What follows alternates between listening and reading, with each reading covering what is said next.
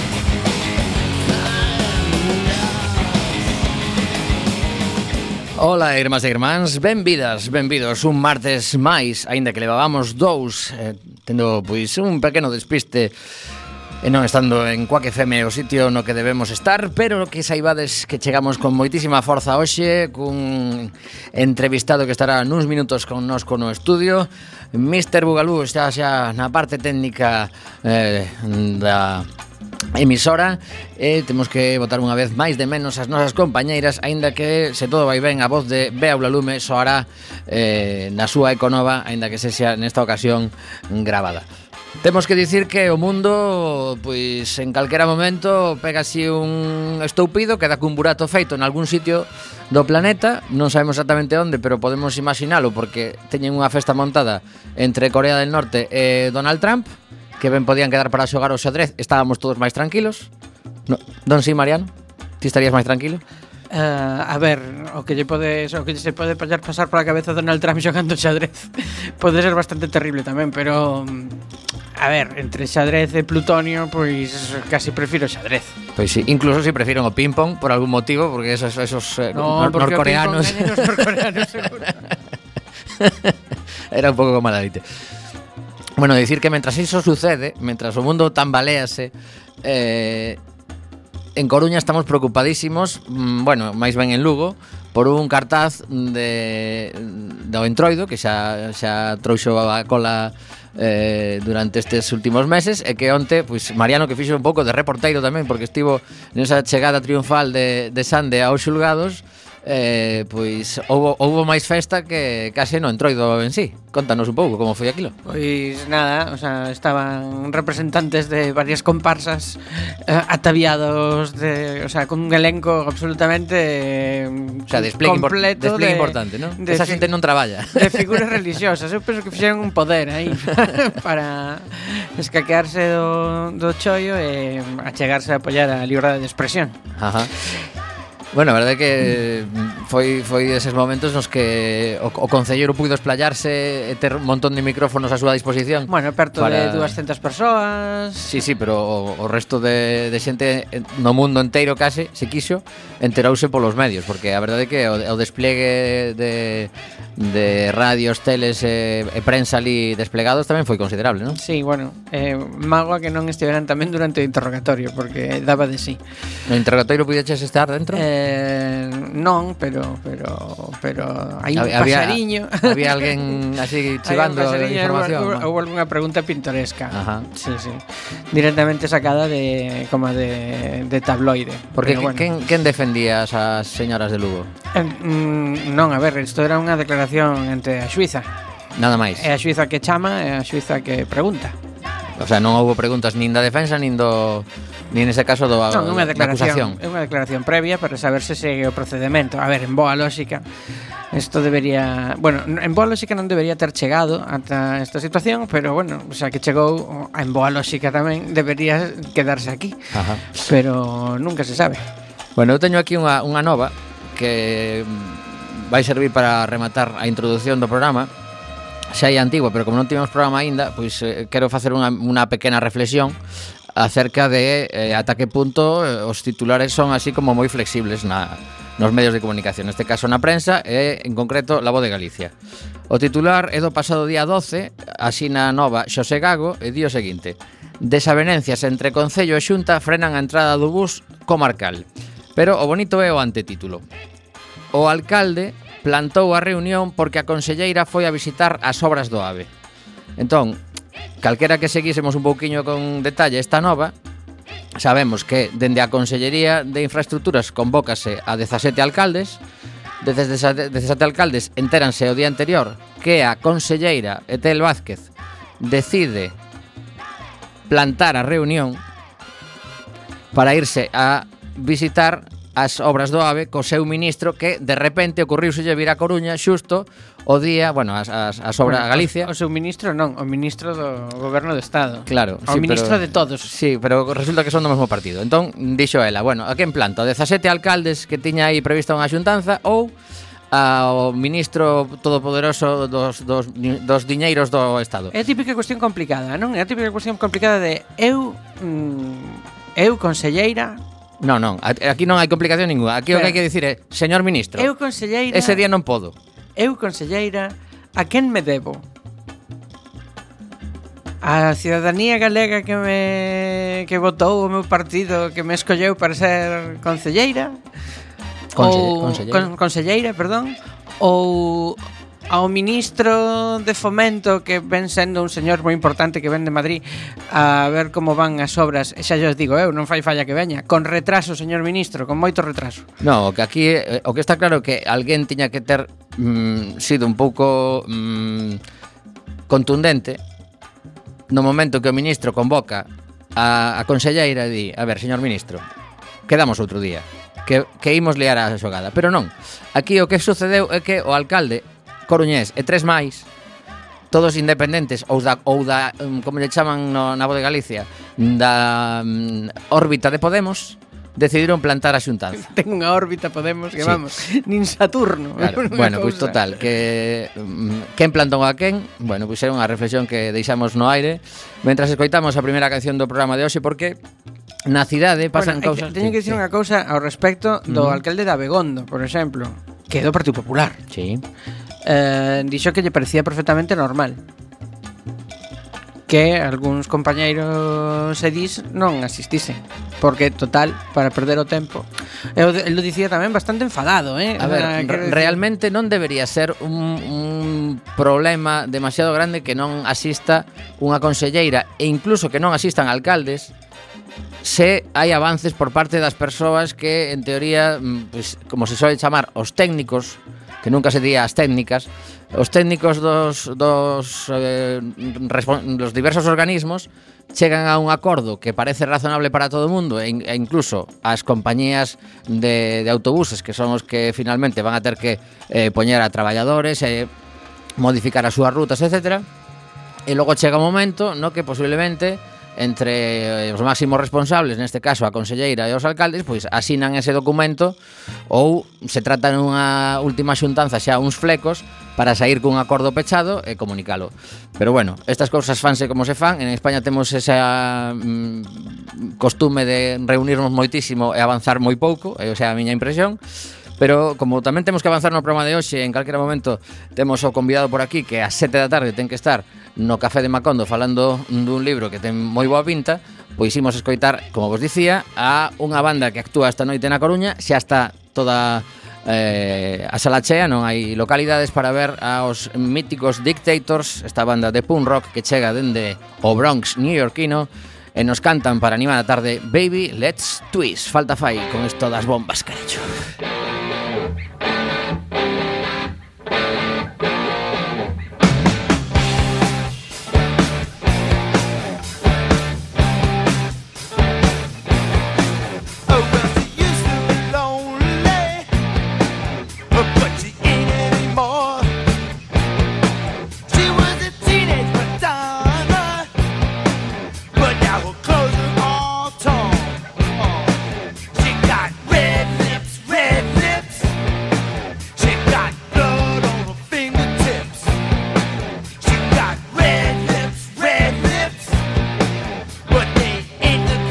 Wanna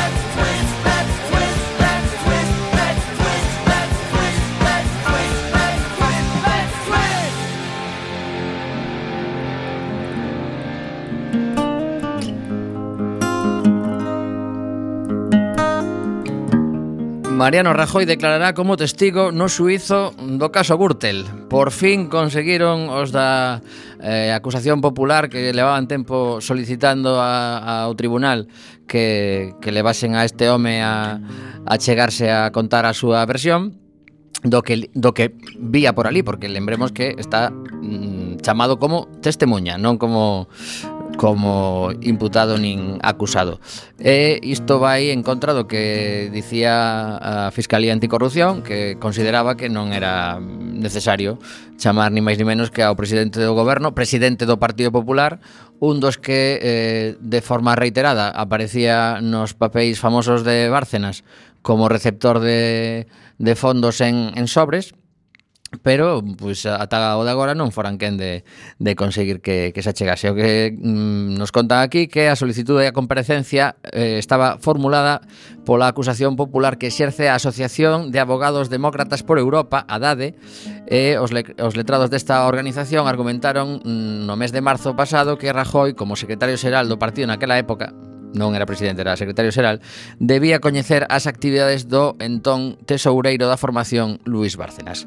A decisión coñecida hoxe mesmo foi adoptada por unha maioría de dous magistrados contra un, menos mal que eran tres, que senón Por maioría da sala decide que é unha proba admisible e por maioría se acepta e se tomará a declaración eh, no día que se marque segundo o calendario previsto, asegurou o presidente do tribunal.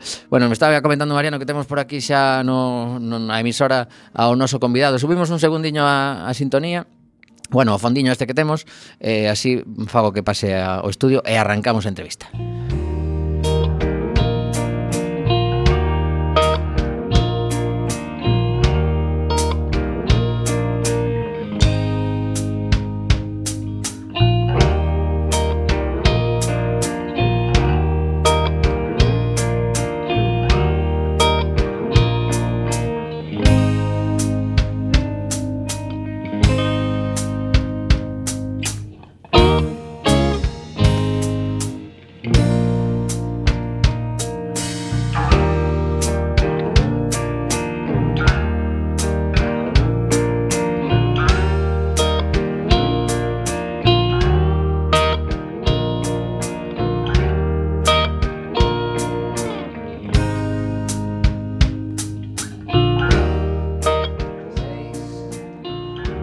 Seis y 16 minutos. Continuamos en Quack FM 103.4.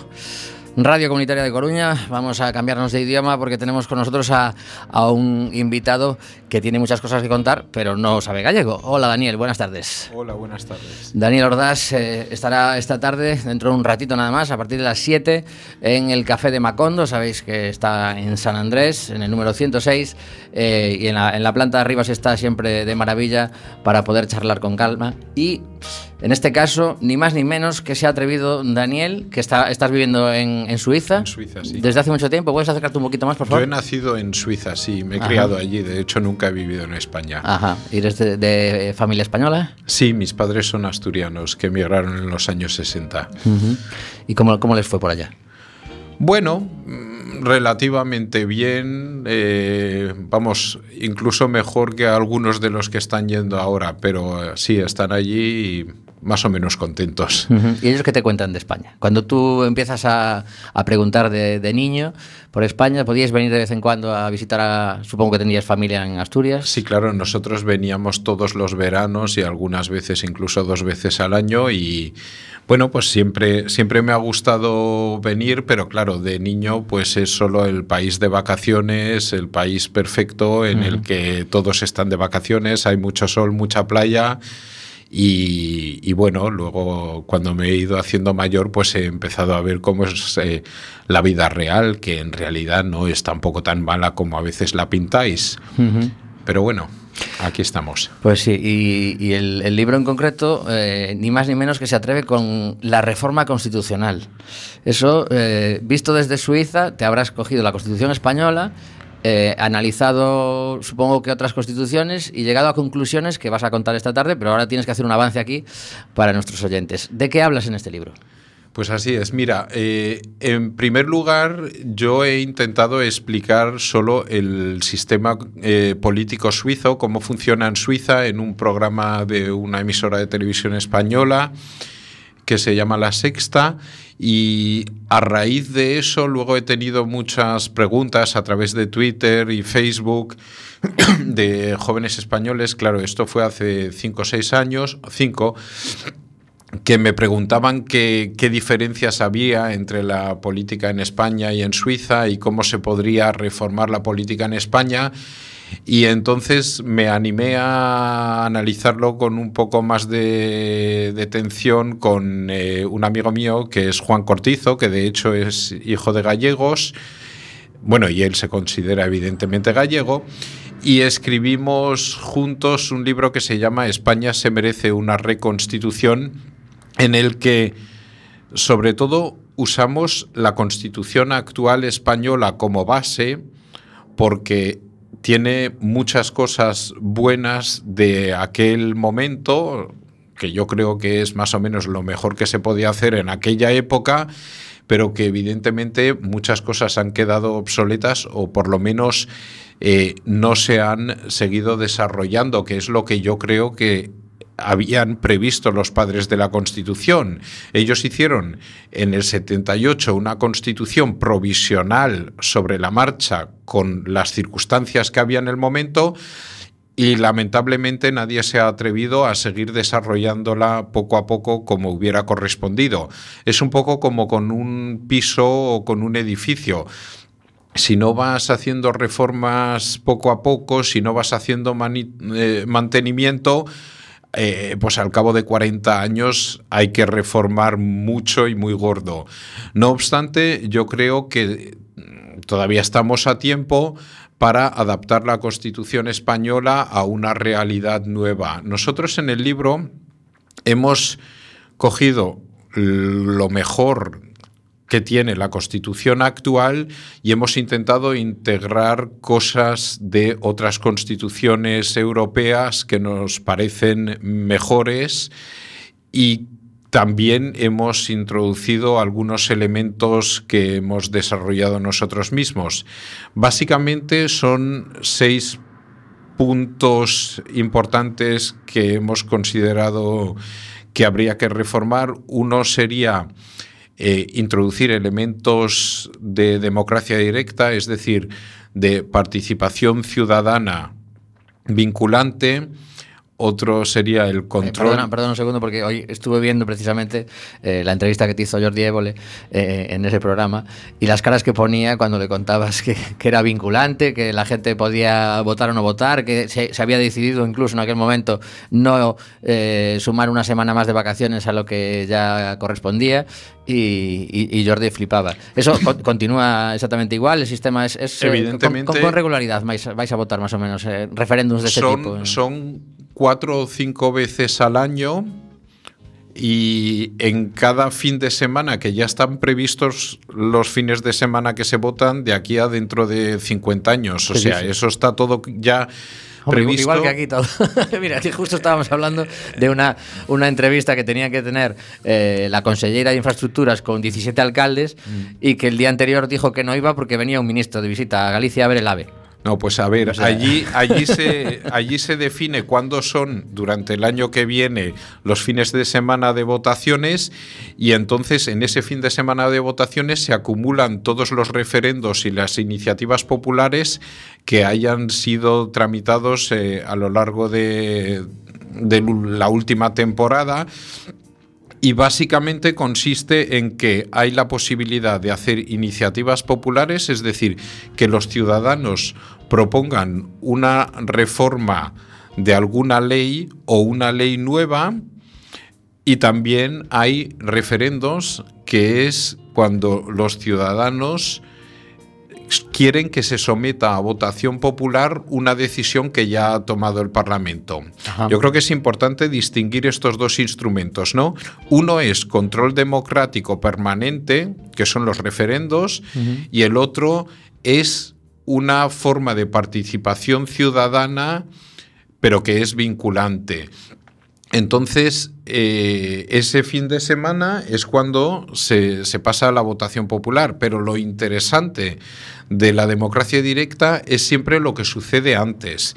Es decir, el hecho de que se pueda hacer un referéndum hace que los políticos a lo largo de la tramitación de una ley negocien de una forma completamente distinta a lo que conocemos aquí, porque como saben que si se pasan de listos los unos o los otros se lo podemos reventar en las urnas, pues pactan ya de antemano. Es lo que allí llamamos quitarle los dientes al tigre. Ajá. ¿Vale? O sea, va- vas limando un poquito para que Vas sea limando más para que al final, pues con mayor o menor ilusión, ya regañadientes, lo aceptemos. Y por eso suelo decir que el mejor referéndum es el que nunca se celebra. Porque el hecho de que se podría convocar un referéndum, pero no se hace, demuestra que aceptamos el compromiso al que llegara el Parlamento. Y lo interesante de este modelo no es tanto el mero hecho de votar cada tres o cuatro meses, sino el hecho de que eso condiciona la forma de hacer la política antes de que, de que llegue a realmente convocarse un referéndum.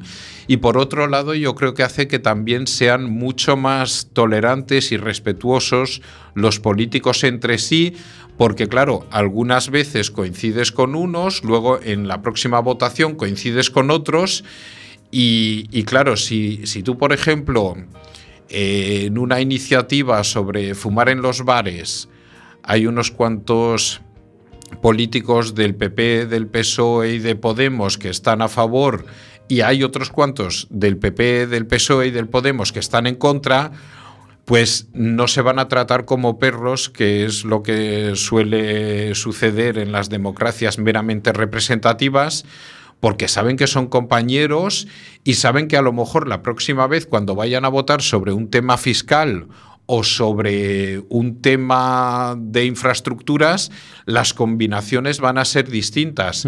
Y entonces eso hace que se traten con mucho más respeto y que al fin y al cabo sea una política más moderada y reconozco que al final mucho más aburrida. La política suiza siempre tiende a ser un poco gris claro, gris oscuro, pero siempre gris. Y aquí en España, pues yo lo que veo es que o es blanco o es negro. Y luego al cabo de cuatro años cambiamos las tornas y hacemos todo al revés, pero, pero nunca se busca el compromiso. Y yo creo que ese sería el reto para seguir desarrollando la Constitución española y pasar a una segunda fase de la transición. Yo creo que el gran logro de la transición es que por primera vez en la historia de España hemos conseguido ir dando, y ir concediendo cambios sin matarnos, sin exiliar a la mitad, sin, sin, sin cambios bruscos.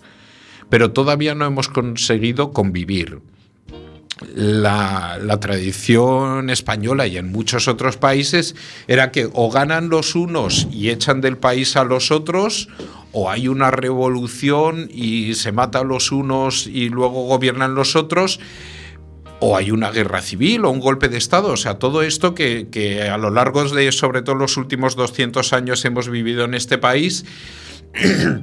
Y el, el gran logro del 78 fue que pasamos a un modelo en el que nos aceptábamos, pero no convivíamos.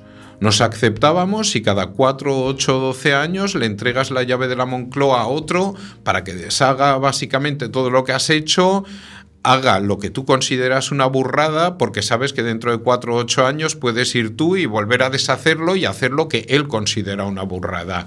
Y yo creo que, bueno, para salir del paso y para salir de una dictadura militar, aquello ya fue un logro, pero ahora tendríamos que entrar en una fase en la que realmente reconozcamos que tenemos que convivir y que España no puede ser cuatro o ocho años ultraconservador de derechas y luego otros cuatro o ocho años ultra hippie de izquierdas, Lo que pasa es que un poco lo que sucede lo que en los vemos es últimos que 40 años. no se avanza demasiado en ese tema, ¿eh?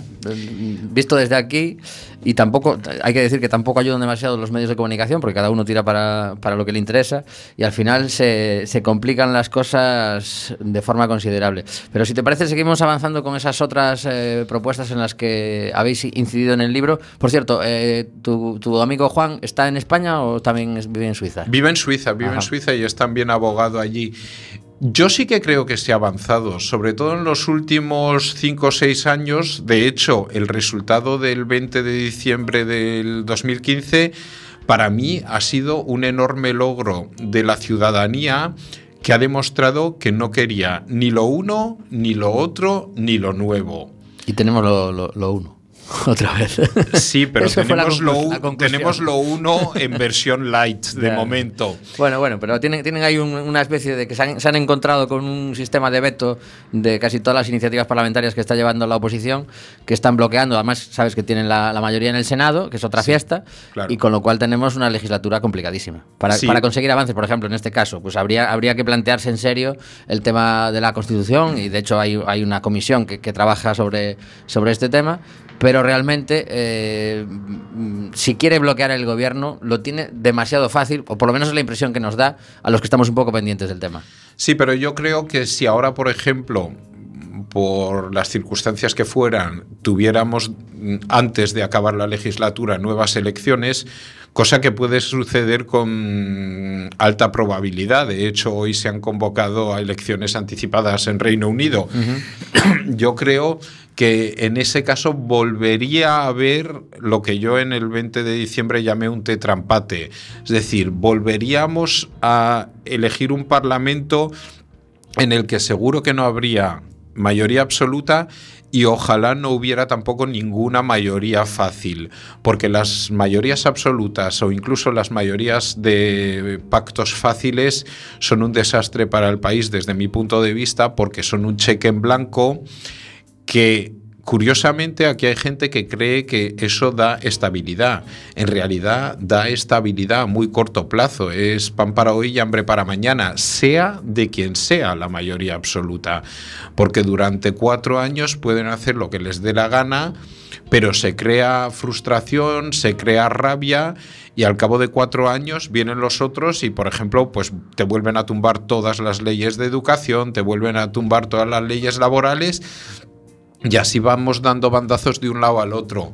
Por eso, eh, vamos, una de las cosas que, que yo digo en mis conferencias es que espero que no vuelva a haber gobiernos del PP, pero tampoco del PSOE, ni de Podemos, ni de Ciudadanos, sino que tengan que ser siempre gobiernos pactados, para que los cambios en las propias elecciones sean siempre muy leves, muy poco, para que tengamos una cierta continuidad porque al fin y al cabo lo único que en España nunca cambia es el pueblo. O sea, los ciudadanos seguimos siendo los mismos y no puede ser que de la noche a la mañana pasemos de ser un país ultraconservador a ser un país ultraprogresista solo por casualidades de los últimos 15 días de la campaña Y de electoral. la, y un poco la, la aritmética electoral, que también esa es otra de las, de las materias que está pendiente de, de reforma.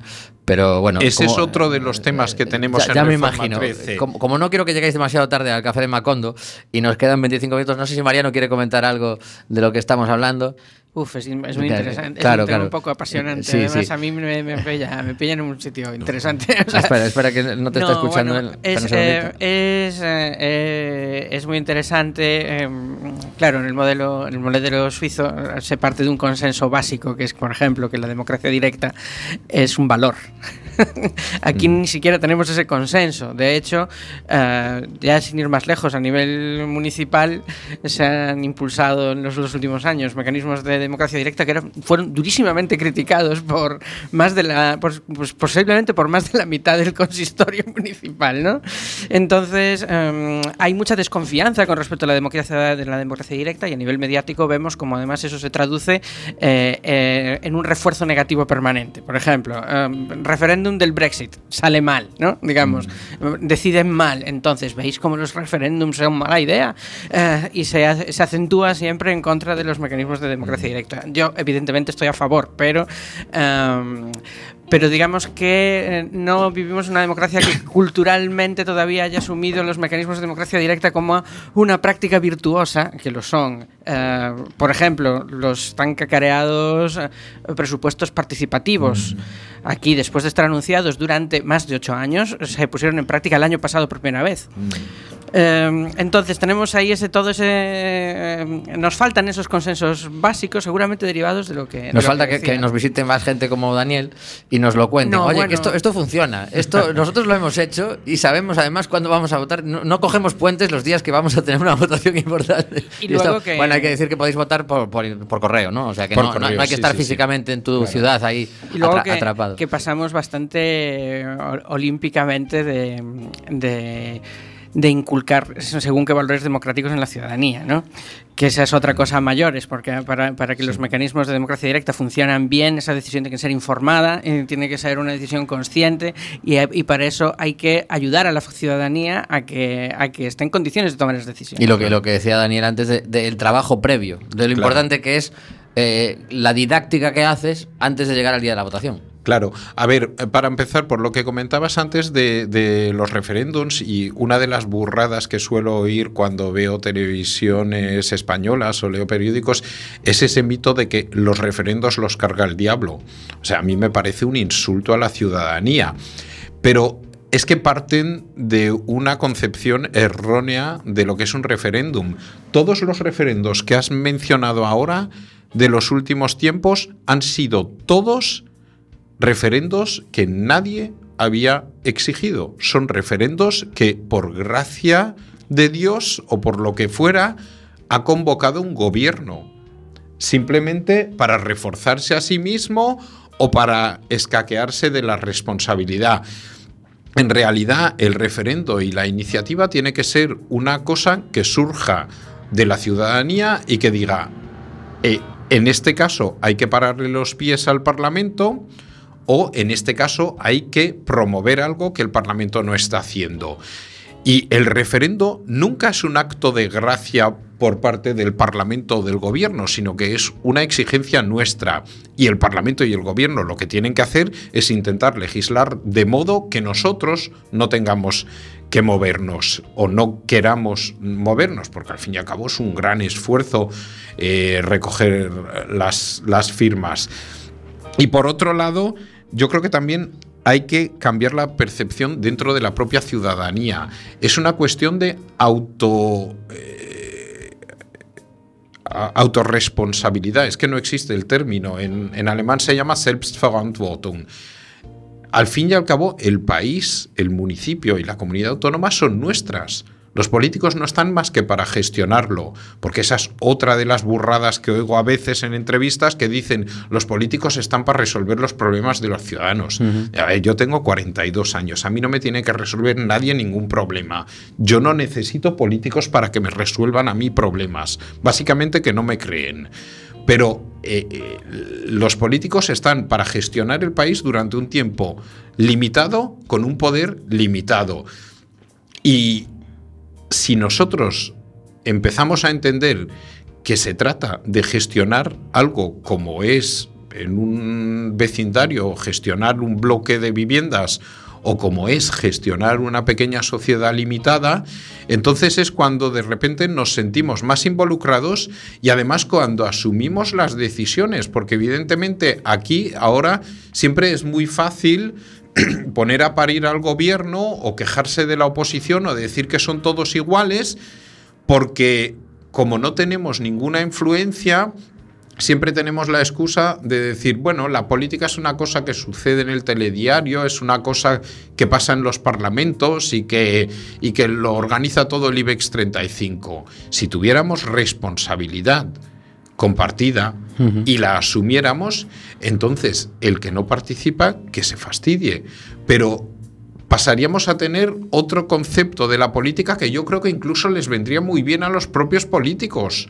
O sea, ellos tendrían menos responsabilidad y nosotros nos sentiríamos más involucrados y sobre todo lo importante es que las, los métodos estos de participación no fueran un acto de, de- de- de- gracia como lo es ahora mismo, que de hecho en la Constitución española teóricamente está previsto el referéndum, pero solo Sí, si le da la gana al gobierno convocarlo, que me parece totalmente absurdo. O sea, un, un referéndum en el, en el concepto suizo es echarle la bronca al Parlamento por haber legislado mal.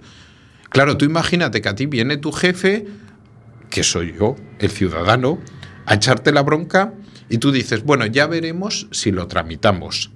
Luego lo tramitamos y lo interpretamos como nos dé la gana, lo podemos modificar y luego incluso no es ni siquiera vinculante la bronca que me echaste.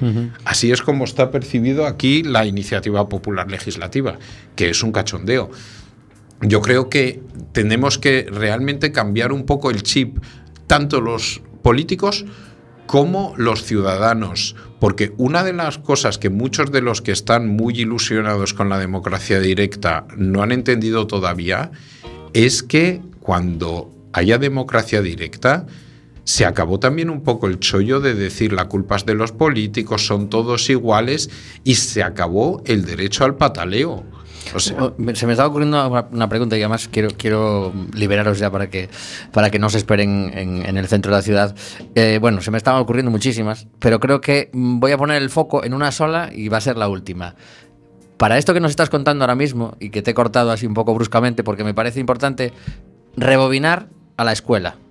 ¿Qué trabajo se hace en la escuela suiza para que eh, los niños empiecen a mentalizarse de esa responsabilidad que van a tener en el futuro? Pues nos de- decías también en la entrevista con Jordi Évole de que eh, había mm, un altísimo porcentaje de políticos que mm, no cobran absolutamente nada o que cobran un poco, pero que realmente muy pocos tienen dedicación exclusiva y que al mismo tiempo eh, la, vida, la vida política eh, durante todo el año está presente en la sociedad y entiendo que eso es un trabajo que se hace desde, desde la infancia, ¿o no? Sí, aunque, aunque tampoco hay que mitificarlo demasiado. O sea, aquí cuando vengo y explico esto, la gente me dice, es que nos falta cultura y nos falta educación.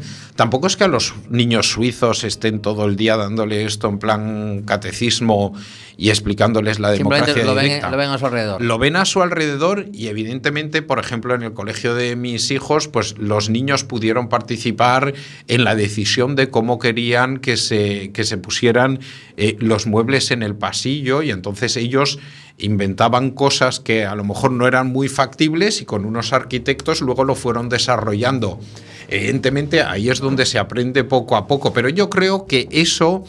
Esa es la tarea más fácil en España. O sea, yo creo que eh, la parte didáctica es la más simple, sobre todo en cuanto la gente se diera cuenta de que estamos hablando de su futuro, su dinero, su país. Entonces es, es mucho más fácil.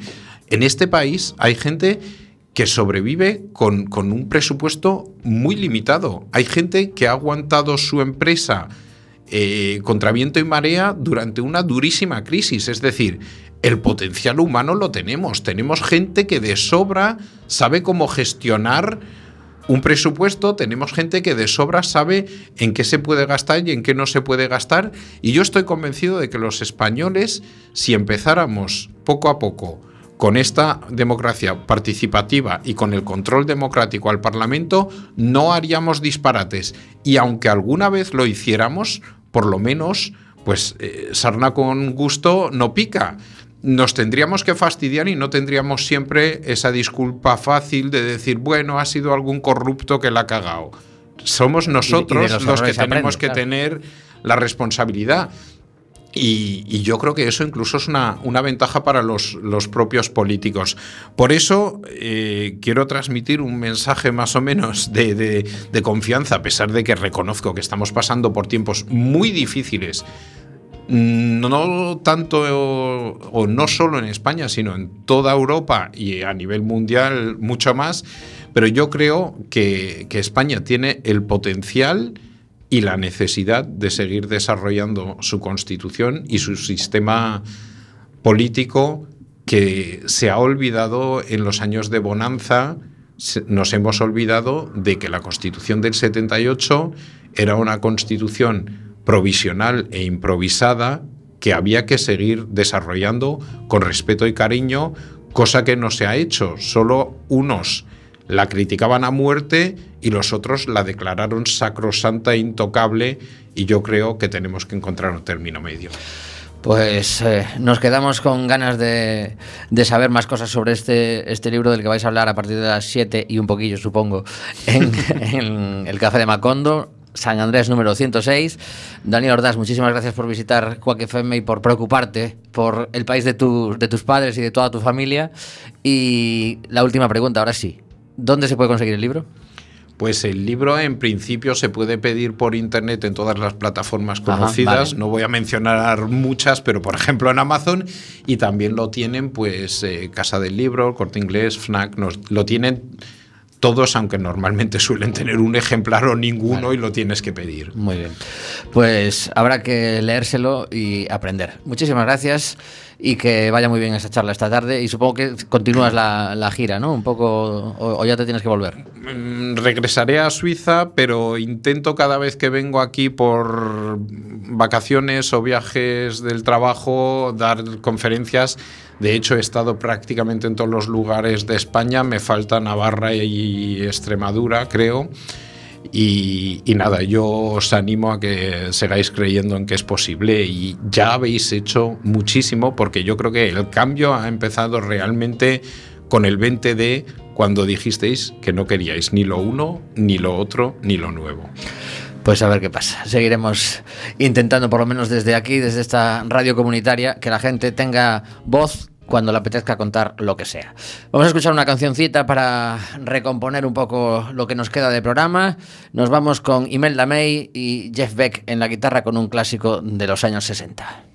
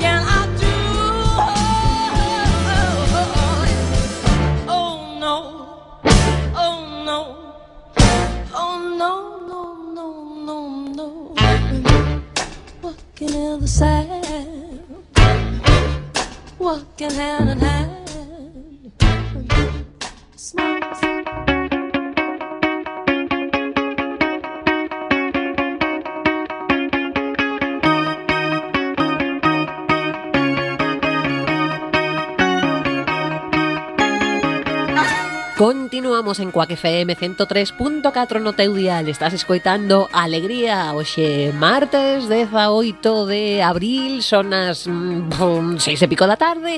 E xa sabes que se non nos escoitas neste día e nesta mm, hora É que estamos en redifusión.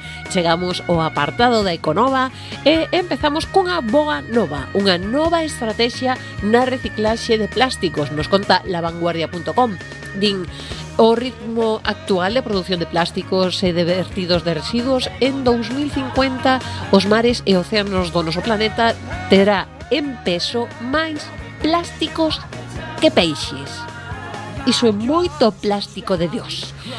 Este ano, no encontro do Foro Económico Mundial, foi presentada unha estrategia para facer frente á invasión de residuos de plástico.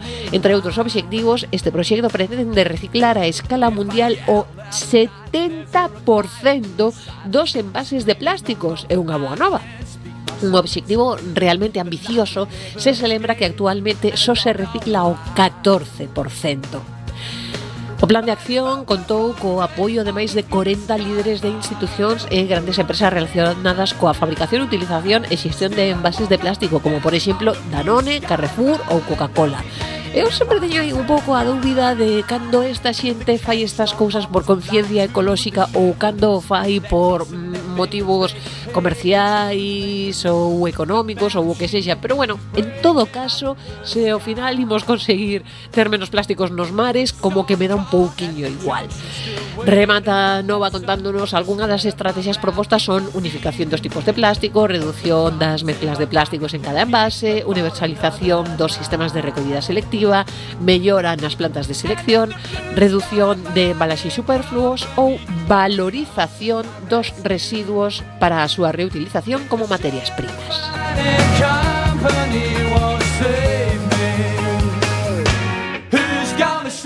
A continuación nos conta 20minutos.es trens eléctricos impulsados por enerxía eólica A compañía ferroviaria estatal holandesa NS é a primeira do mundo en ter unha flota de trens eléctricos que se move 100% con enerxía eólica.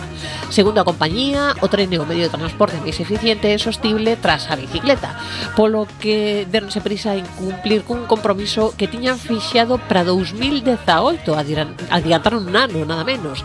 Iso implica 1,4 teravatios por hora de enerxía verde. A compañía fixa xa o seu seguinte reto, reducir o consumo de enerxía dos seus trens nun 35% extra para o 2020. Pois, estupendamente, e que sigan así.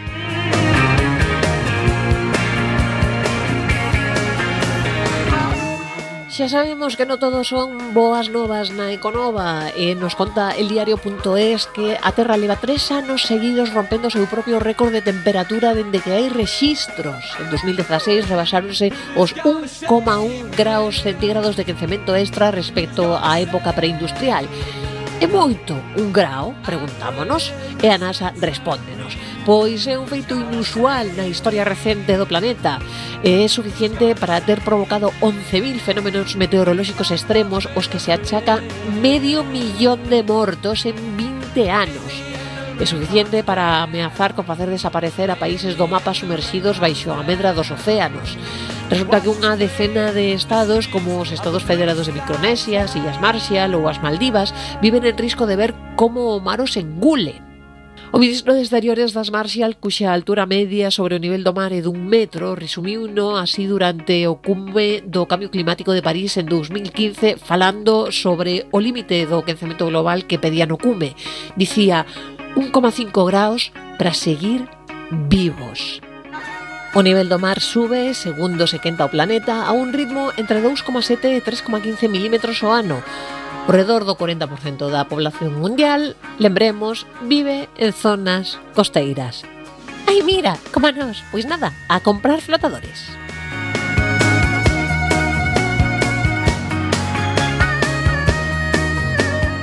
E outra noviña referida ao cambio climático, esta vez da man de concienciaeco.com que nos conta que teñen aparecido peixes xordos debido ao cambio climático. As larvas do gobio de manchas, eh, cando son expostas ao CO2 en concentracións elevadas, sufren unha perniciosa xordeira que lles dificulta percibir algunhas pistas ou estímulos auditivos que habitualmente proveñen de arrecifes. My life that is lived is no more than a token. Who strike the E rematamos cunha nova un pouquiño máis optimista.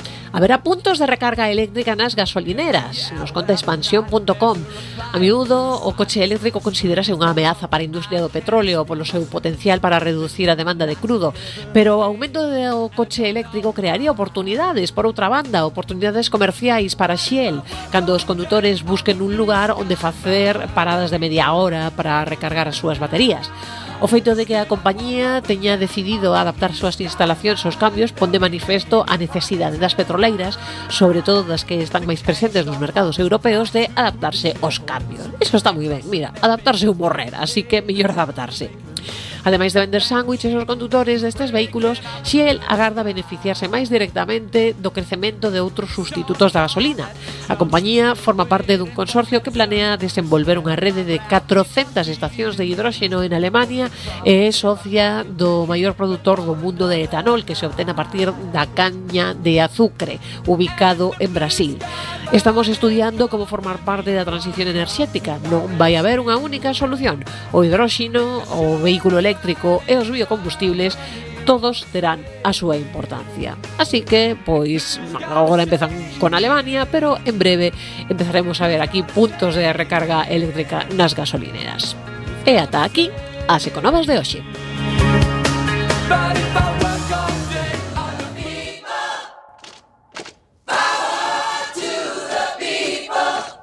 E ata aquí o alegría de hoxe, porque xa chegamos ás eh, 6 e 57 minutos, momento no que deixamos o estudio José Couso aos compañeiros e compañeiras de Recendo. Agardamos que disfrutades desta hora, que entre todos aprendésemos un poquiño e que quedades no 103.4, a túa radio comunitaria.